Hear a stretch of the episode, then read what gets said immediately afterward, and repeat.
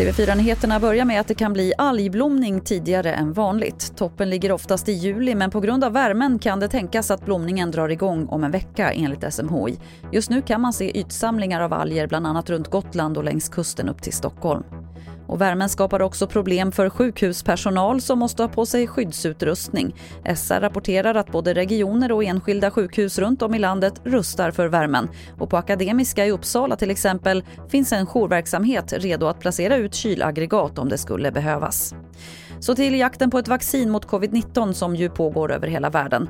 Men här i Sverige är man samtidigt rädd att historien med svininfluensan ska upprepas då flera barn och unga drabbades av narkolepsi.